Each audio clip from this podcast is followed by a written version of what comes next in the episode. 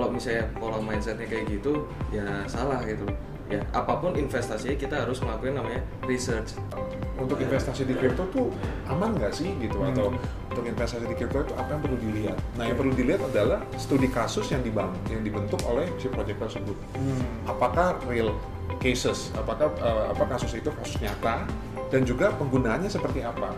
Supply demandnya kelihatan nggak atau cuman ya ngawang-ngawang aja gitu kan berhayal gitu kan ke langit ketujuh tapi nggak pernah ada real cases. Selamat datang di podcast dari The Slice of Life X, podcast yang berbicara tentang kemajuan hidup di bidang finansial, investasi bisnis, dan strategi kehidupan bersama host Anda, Di Ferdinand.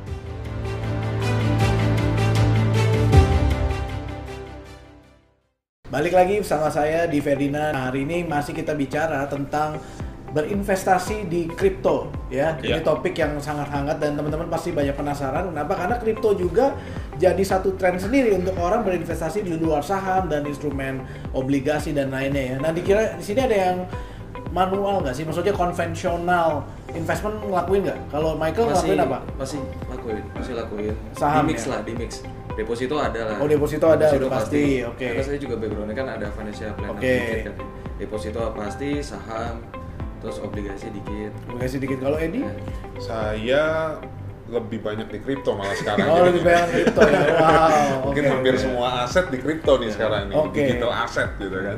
Nah, kalau kalau kita ngobrol tentang eh, investasi di kripto, berapa kenapa sih banyak banget orang yang akhirnya merasa sakit hati ya? Kadang-kadang mereka merasa sangat rugi kan. Kita pernah ingat kayaknya kalau nggak salah setahun atau dua hampir dua tahun lalu, di mana harga kripto Bitcoin itu naiknya gila-gilaan. Ya. Sampai saya pernah baca itu di satu artikel ada anak muda, pasangan muda, lakinya tuh jual semuanya untuk beli kripto.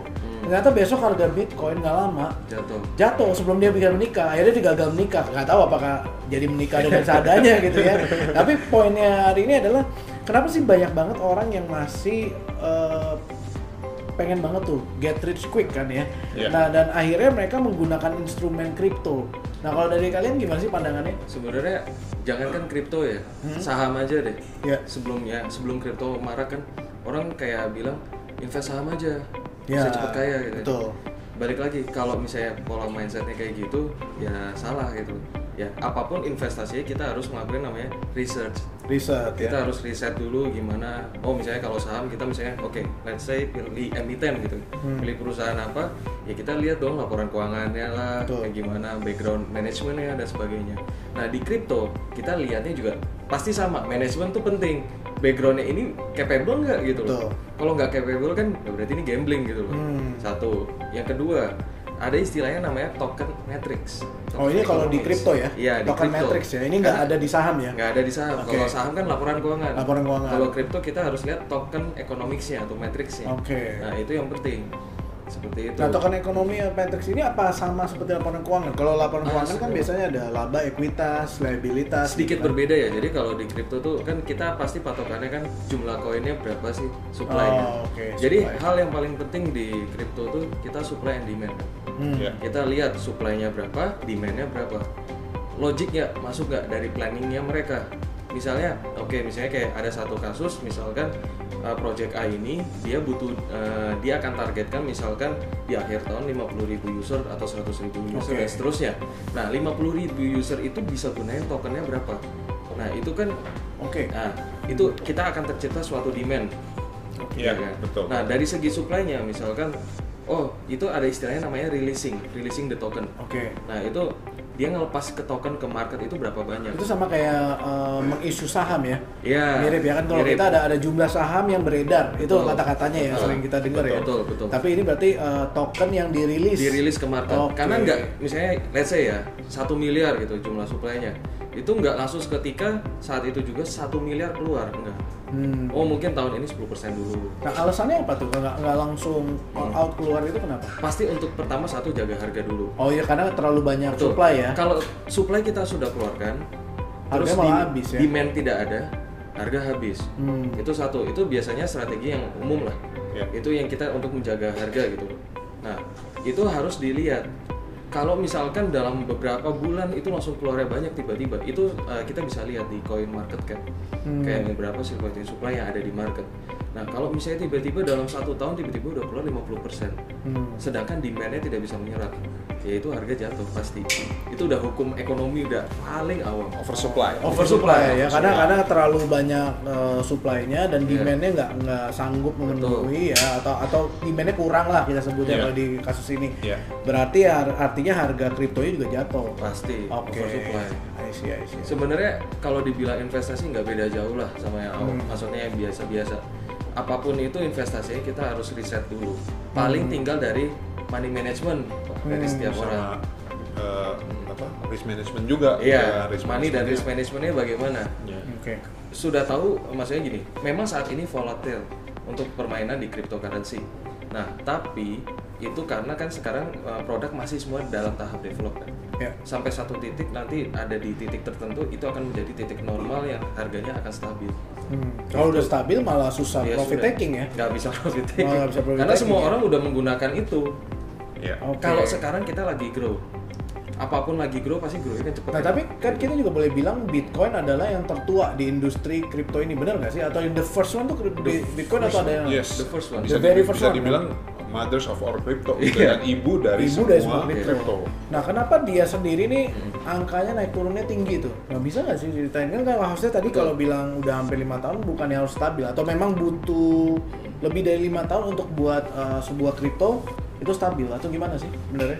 Mungkin saat saat ini lebih ke gini sih, eh, Bitcoin sendiri mungkin pen- eh, penyerapannya penggunaannya juga masih sangat baru kan, Iya. bukan Hmm. baru belakangan ini. Jadi kalau dilihat kita, eh, I think um, menurut saya kalau menurut data all time high harga tertinggi eh, Bitcoin itu adalah di 2017 akhir. Iya. Oke, Masuk itu ke sekitar 2008, berapa 250 berapa juta. Hah? Sekitar Dua- 250 16 ribuan ya waktu itu ya. hampir Iya. eh, hampir ke dua hampir ke 20 ribu US Wow. jadi udah 250 jadi range-nya antara 250 juta sampai 300 juta per Bitcoin. Bitcoin. Nah berarti saat itu demand-nya sangat tinggi Demand sangat tinggi sangat ya. tinggi dan supply-nya Bitcoin itu kan se- seluruh dunia Hmm, itu Bitcoin cuma ada 21 juta cuman 21 juta. yes Dan Oke. yang baru rilis ke market tuh kalau salah berapa ya? 17 ya? Iya, jadi Nah. sangat limited dan dia nggak akan bertambah, dia nggak akan berkurang. Jadi Iya. muter-muter di situ aja. Oke, nah kita kan ngomongin tadi 21 juta, berarti masih dan udah rilis ada 17, berarti tinggal 4 ya. 4 juta. Apakah 4 ini nanti dirilisnya sama siapa? Itu satu. Kedua, apakah memang ada istilah mining nih? Ya. Iya. Nah, apa yang terjadi sih di mining nih? Nah untuk saat ini gini, untuk eh, rilis yang 4 juta tadi akan keluar lewat mining. Lewat mining. Definitely akan Iya. keluar lewat mining. Nah, yang terjadi di mining itu adalah sebenarnya em, secara network Bitcoin itu memang kalau kita eh, ini ya kita eh, riset tentang eh, apa siapa penemuh Bitcoin itu nggak tahu. Ada Jelas. namanya Bapak Bitcoin bahasa Jepang. Satoshi, Satoshi gitu kan. ya, Tapi ya, kita nggak tahu Satoshi. Itu siapa mukanya Katanya ada yang apa. bilang itu Elon Musk atau Iya, Mark knows. Zuckerberg Yes. ya. Yes. Ah, konspirasinya Betul. itu Iya, ya. jadi banyak konspirasi tentang pe- apa pencipta Bitcoin gitu kan. Tapi Bitcoin sendiri sudah terbentuk gitu kan. Hmm. Udah terbentuk, networknya ada secara desentralisasi.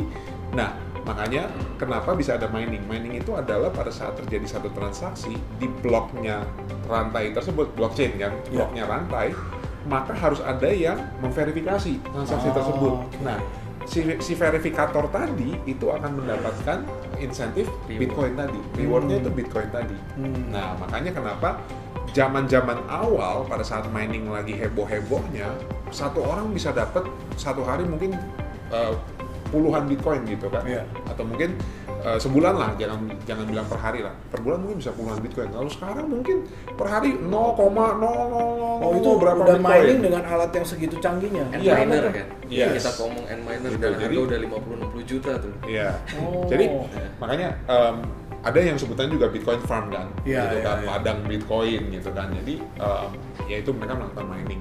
Nah mining itu sebenarnya mereka memverifikasi semua transaksi yang lewat dari networknya Bitcoin. Hmm. Seperti Dan itu. dan kalau tadi bilang memverifikasi, memverifikasi ini siapa? Apakah robot ataukah memang pemrogram? algoritma, Algoritma. algoritma yang akan Oke. memverifikasi tiap blok tersebut. Nah itu ketahuan nggak sih pengguna Bitcoin di satu dunia ini udah berapa ratus juta atau berapa? Udah tahu belum? Kelihatan, kelihatan, Kelihatan ya? kelihatan karena em, salah satu teknologi, eh, salah satu keuntungan teknologi eh, blockchain adalah sangat transparan. Jadi bisa dilihat transaksinya siapa. Oke. Yang transaksi bukan bukan siapa, bisa dilihat transaksinya berapa besar.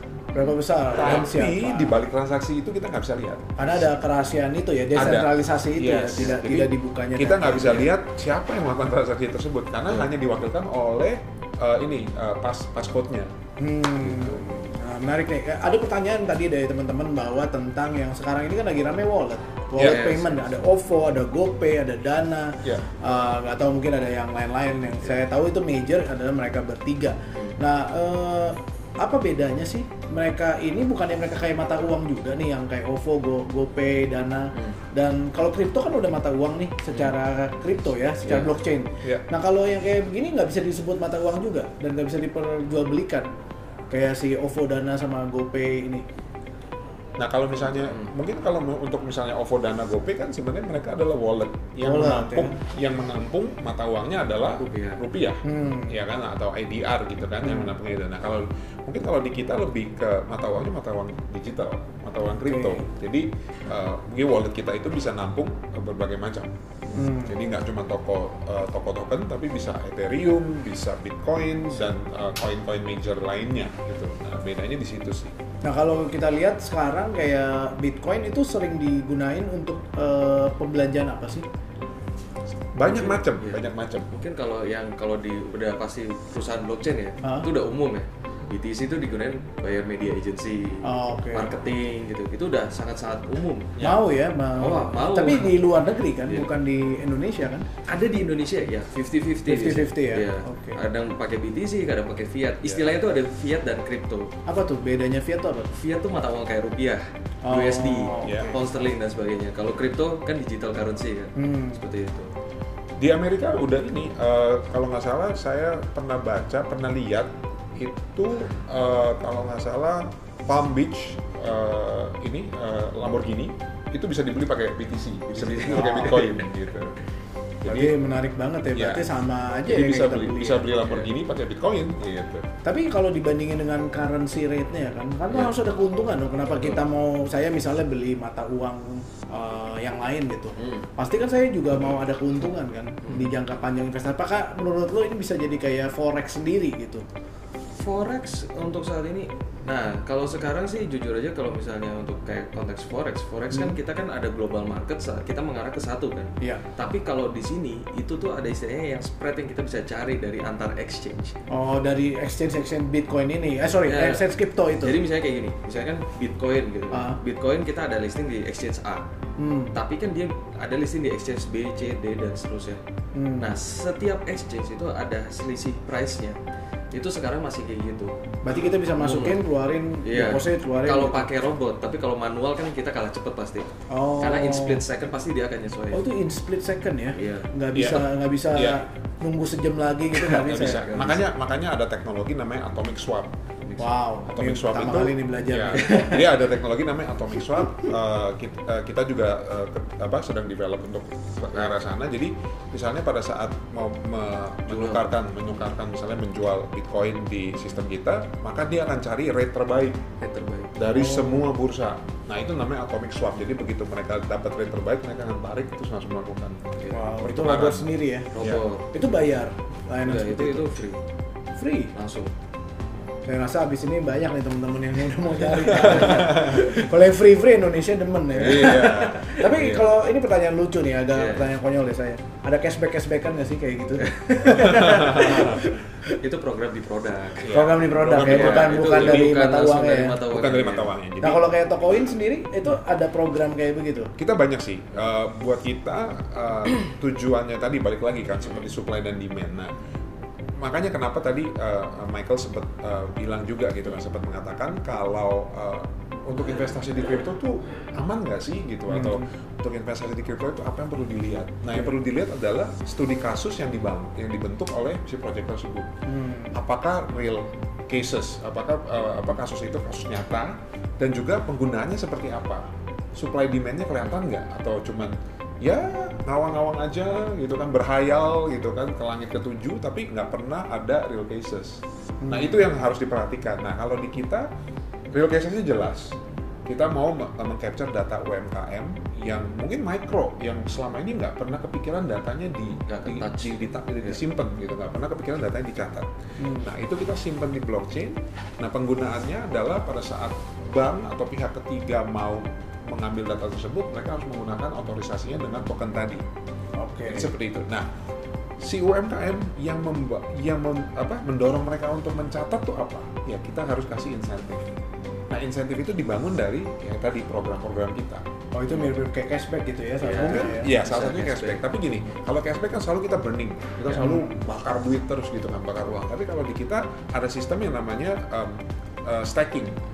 Uh, tadi uh, verifikasi blok lagi, Oh, oke. gitu kan. Jadi kita bisa dapatnya dari sana untuk kasih ke insentif gitu. Nah itu yang, nah si UMKM nggak perlu tahu terse- hal tersebut karena Teknologi teknologi, Oke. ya kan. Ta- UMKM yang perlu UMKM tahu adalah di mana semua uh, transaksi mereka bisa dicatat dengan uh, apa uh, produk kita dengan DM Hmm. kita dibanding kita jelasin panjang lebar ngejelimet tentang blockchain cryptocurrency UMKM juga nggak ngerti anyway Iya, betul. gitu kan nah ya lebih baik blockchain teknologi ataupun cryptocurrency diceritakan ya ke para investor yang tertarik kepada teman-teman yang mau ekspor lebih lanjut Hmm. gitu kan kalau para UMKM baiknya dikasih aja value penggunaan app kita Hmm. jadi biar mereka adopsi Siap, app siap, lebih siap, banyak siap, gitu. siap. Oke, menarik banget ya. Kita akan eh, tutup dulu part ini karena ini part satu. Karena menurut saya masih banyak nih pertanyaan-pertanyaan yang mau kita oke. gali lagi supaya lebih lengkap Iya. juga kan dan teman-teman juga gak sepotong-sepotong dari kalau teman-teman ada pertanyaan dari part satu ini tentang bagaimana berinvestasi yang aman di cryptocurrency atau blockchain project uh, bisa komen dan juga jangan lupa follow and subscribe juga klik tombol notifikasi karena kita percaya bahwa uh, teknologi pasti akan selalu membantu kita ya. Ya, dan pasti. kedua eh, jangan takut karena kita harus pelajarin dulu. Kalau menurut saya itu ya Betul, semua bahkan betul. investasi saham dan forex kita harus tahu cara mainnya, cara amannya meminimalkan resikonya dan Ya. lain-lainnya. Yes. Oke, teman-teman kita akan off dulu. Untuk teman-teman yang memang penasaran, pengen tahu lebih lanjut, jangan lupa untuk follow mereka juga di tokoin.io dan juga cari eh, tokoin global atau apa tadi web Tokoin Indonesia. Tokoin Indonesia. dan token global kita ada Oke. dua sih Kalau kamu berdua ada ada IG-nya masing-masing nggak? Ya. ada Ada. Oke, IG-nya Michael apa nih? Ignatius Michael. Ignatius Michael. uh, Edi CNG Edi CNG. Oke, thank you very much. Eh, jangan lupa eh, untuk selalu follow kita. Ya, thank you. thank you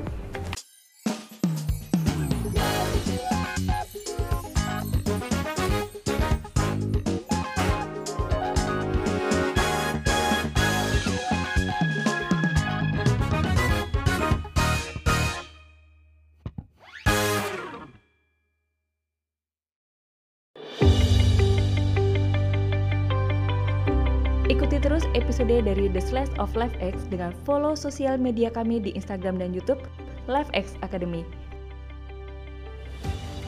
Dan juga dapatkan konten-konten eksklusif tentang dunia keuangan di www.lifexacademy.com. LifeX Academy, multiplying your life meaning.